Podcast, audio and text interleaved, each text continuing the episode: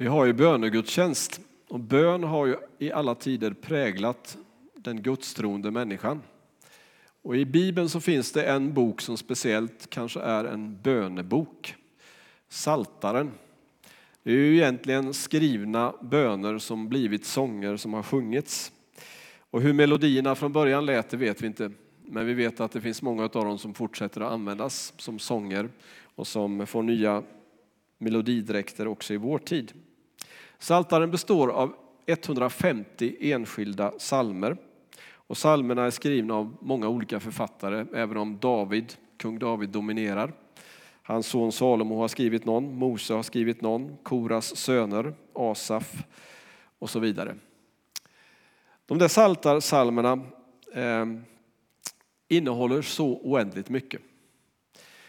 Glanstiden för saltarskrivandet var ju då under David och Salomos tid, alltså från 1000 fram till 900 ungefär.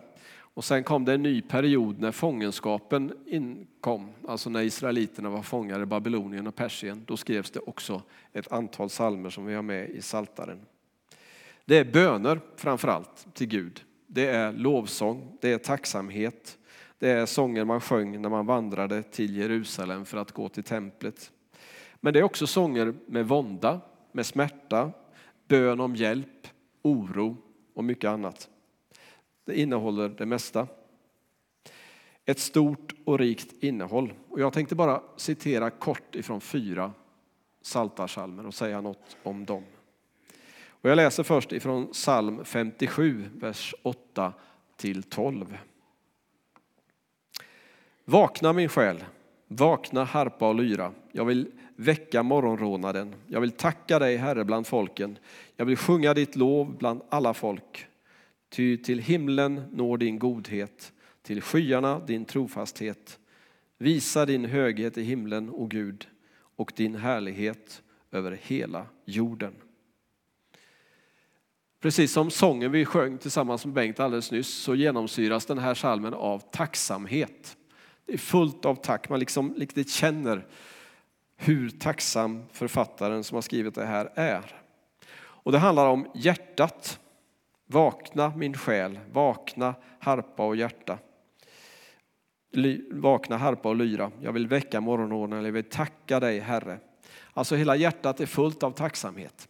Men det är inte det här hjärtat som vi tänker på, blodpumpen som pumpar vårt blod, utan hjärtat i Bibeln är någonting annat.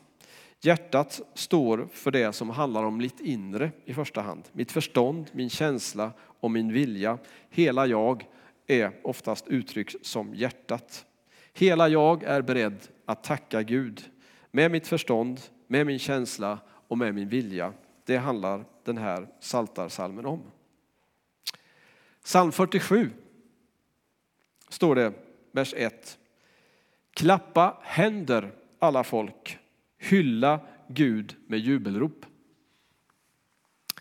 Vi svenskar sägs ju vara ganska så blyga och försynta av oss och uttrycker inte våra känslor så där starkt som man brukar säga att sydeuropeer och andra folk gör. Men om man är på en ishockeymatch så uttrycks väl eh, glädjen och ibland besvikelsen också ganska högljutt, eller vad säger du Pia? Ja, det händer. Eh, och om man går på en fotbollsmatch likadant så kan man uttrycka det eh, sådär. Är man då på en bortamatch, man sitter bland eh, andra supportrar från ett annat lag, då kanske man är lite mer försiktig och återhållsam, för då tänker man de andra här är ju inte samma lag som jag, så att det kan ju hända saker om jag skriker för mycket här. Men är vi i kyrkan så känner vi kanske också ibland att vi skulle vilja uttrycka vårt, vår tacksamhet och vår, vårt jubel på lite annat sätt än att bara lite återhållsamma som vi brukar. Och här står det att alltså man ska klappa händer ehm, och hylla Gud med jubelrop. Kan man verkligen göra det? Ja, det är ju då bibliskt. Vi brukar ju alltid säga att vi ska vara bibliska och då hänvisar vi till Bibeln och säger att ja, det står att man ska klappa händerna. Det står att man ska höja jubelrop. Faktiskt gör det det. Man kan till och med dansa inför Gud. Det står det på många ställen i Gamla Testamentet. David dansade och många andra för att uttrycka sin tacksamhet och glädje inför Gud. Allt kan man alltså göra på det sättet. Psalm 96, vers 1 och 2. Sjung till Herrens ära, sjung en ny sång, sjung till Herrens ära, hela världen, sjung till Herrens ära, prisa hans namn, ropa ut hans seger dag efter dag. Sången är central i den kristna församlingen.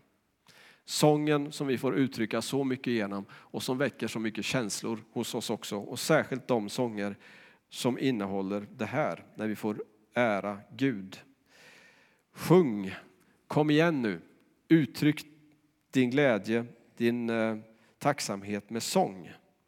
Varför? Jo, Gud har skapat allt. Vi kan tacka honom för skapelsen. Varför? Jo, Gud har kommit till jorden som vår frälsare Jesus Kristus. Varför? Jo, han har gett oss ett evigt liv. Han har gett oss så oändligt mycket som vi får tacka honom för. Vi får tacka Fadern, vi får tacka Sonen, vi får tacka den heliga Ande som finns i oss och med oss just nu. Vem får sjunga? Alla, står det. Hela världen får uttrycka detta inför Gud. En sista psalm som redan är citerad här idag i barnvälsignelsen. Psalm 139 som är en älsklingspsalm för väldigt många. Den innehåller så oändligt mycket. Det står det bland annat vers 5. Du omger mig på alla sidor, jag är helt i din hand. Och vers 16. Du såg mig innan jag föddes, i din bok var de redan skrivna de dagar som hade formats innan någon av dem hade grytt.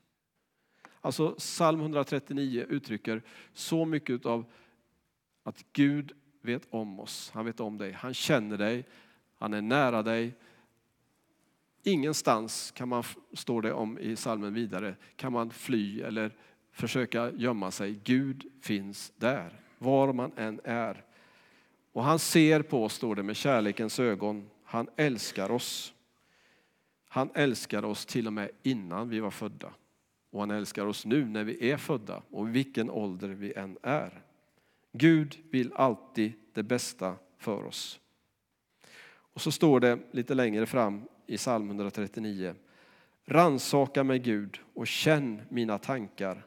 Pröva mig och känn min oro. Se om min väg för bort ifrån dig och led mig på den eviga vägen. Ransaka mig, känn mig, led mig på den rätta vägen. Det får bli vår bön. Och kanske många av er har bett den bönen nu idag. Alla ljusen, alla lapparna, allt det som ni har bett själva när ni har varit ute på olika stationer.